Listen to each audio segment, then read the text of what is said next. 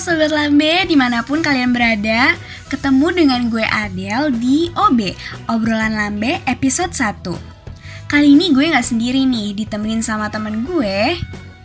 Halo Sobat Lambe, kenalin gue Wardah. Di sini kita akan menemani Sobat Lambe selama 5 menit ke depan. Nah gimana nih kabar kalian di rumah selama WFH? Semoga masih dalam keadaan baik dan sehat selalu ya Sobat Lambe sekarang kita mau obrolin apa sih Del? Nah, pas banget lo nanya nih War. Kali ini kita bakal obrolin seputar desas-desus dari para selebriti tanah air yang terpopuler. Informasi pertama berasal dari komedian yang pasti namanya nggak asing lagi di telinga kalian. Komedian yang namanya nggak asing di telinga kita? Siapa sih emangnya? Gue penasaran banget deh. Kalian pasti kenal dong sama komedian yang bernama Sule. Oh, komedian Sule. Gue kenal banget sama dia.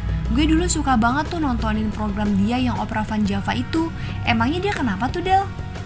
Gue denger-denger nih War, Sule tuh baru aja ngadain acara pernikahan dengan seorang wanita yang usianya terpaut 16 tahun lebih muda dari dia nih. Namanya Natalie Holzer. Di pernikahan keduanya ini, Sule mengaku cukup gugup karena akan kembali memiliki tanggung jawab sebagai seorang suami. Eh, eh, tunggu, tunggu, tunggu. Kok bisa tiba-tiba ada kabar dia nikah dan sama Natalie Holzer? Dulu gue sempat ngikutin berita tentang Sule sih, cuman dia bukan sama Natalie Holzer, Del. Yang gue tahu itu dia deket sama Naomi Zaskia. Bahkan gue sempat ngebaca berita bahwa ada rumor Sule mau nikahin dia. Emang awal dekat sama Natalie Holzer itu gimana sih, Del? Setahu gue tuh, dia menjalin hubungan asmara dengan Natalie Holzer sejak beberapa bulan lalu, War. Kedekatan mereka tuh berawal dari membuat konten YouTube bareng. Seiring berjalannya waktu, rasa cinta pun bersemi di antara mereka. Natalie juga udah deket banget nih sama keempat anak Sule. Ini juga menjadi salah satu alasan kenapa Sule bisa jatuh hati dan ingin memperistri sang mantan DJ.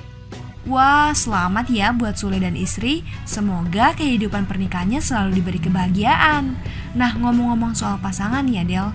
Ada berita dari selebriti yang ramai banget diperbincangkan oleh para netizen, Del. Apa tuh War yang lagi rame? Ini loh, lo tau gak sih isu dari mantan istri Gading Martin yang lagi viral itu sampai-sampai sempat menjadi trending topik lo kemarin di Twitter? Oh, itu video asusila tentang Giselle yang beredar itu ya? Kenapa tuh? Apa ada berita terbarunya lagi, War? Dari info yang terupdate, polisi baru aja mengungkap motif pelaku penyebaran video syur yang katanya mirip Giselle Del.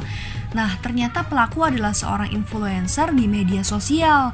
Dan lebih parahnya lagi, lo mau tahu gak? Tujuan dari pelaku ini ingin menaikkan followers media sosialnya dan ikut giveaway di Twitter. Nah, jadi syarat giveaway di Twitter ini si pelaku harus punya followers yang banyak. Makanya si pelaku ini melakukan tindakan tidak terpuji tersebut, Del.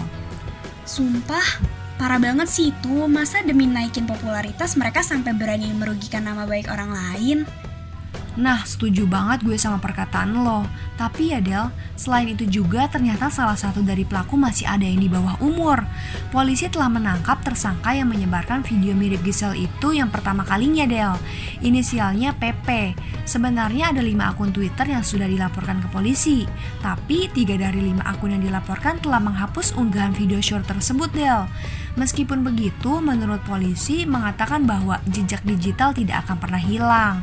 Sehingga penghapusan konten pada akun bukan masalah lagi bagi polisi. Wah, berarti semua pelaku udah ketangkep ya sebenarnya.